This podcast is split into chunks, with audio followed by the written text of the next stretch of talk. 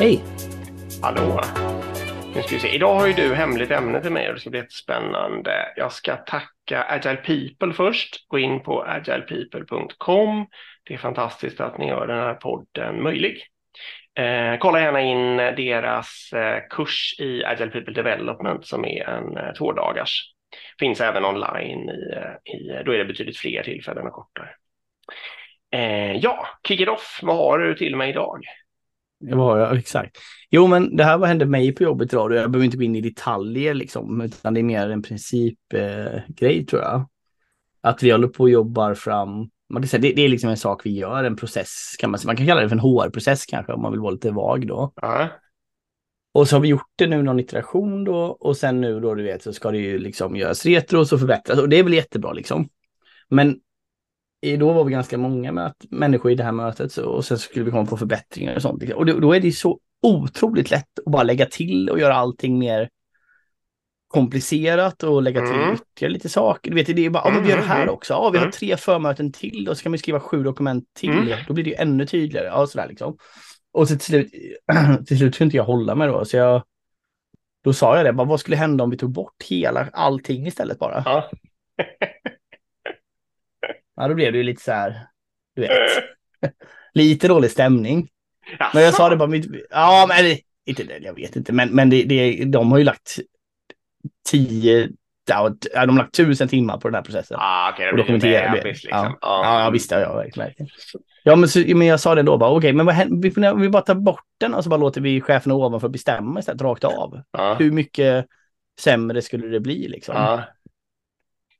Uh, och då kom det fram lite argument som jag köper. Det var vettigt så här, nej men de kanske inte har tid då, och de kanske inte har den kunskapen och det kanske skulle bli massor med biases. Så uh, okej, okay, fine. Så uh. Uh, då, då, då, då, kan vi i alla fall då kan vi i alla fall komma fram, alla gemensamt, det finns ett värde med det här det vi gör. Men mm.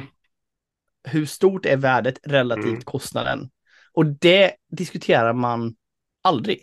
Vad är kostnaden? För att ha den här. För kostnaden är i det här fallet enorm. Det är alltså, ja.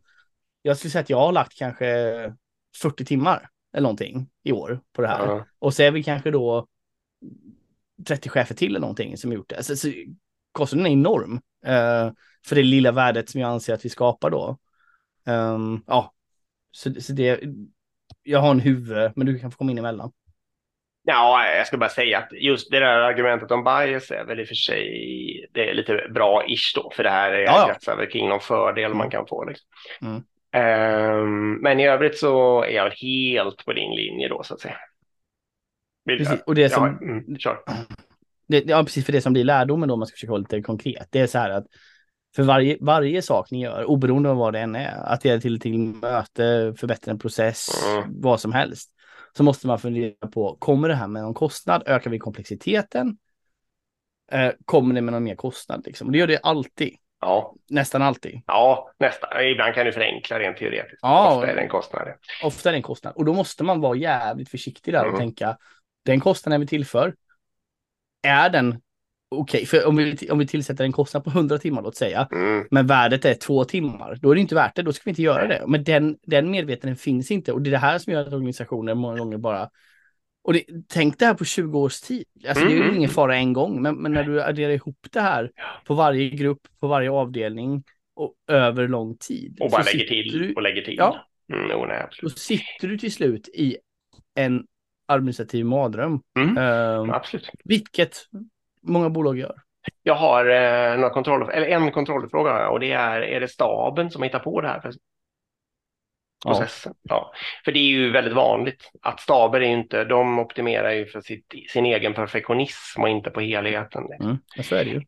Sen, eh, eh, alltså processen, återigen, jag instämmer. Jag kanske inte heller bara skulle rakt av lägga ner den. Jag tycker den har värde, men jag tycker min, min slutsats var att jag tycker värdet är relativt litet. Så därav borde den här processen vara så absolut eh, liten och slim som möjligt. Och då innebär det att vi kan inte bara addera till sju steg till nu för att det eventuellt skulle förbättra oss 2% Det är inte värt det liksom, utan Nej. snarare tvärtom. Vi ska ta bort saker för att göra den ännu lättare liksom. Mm.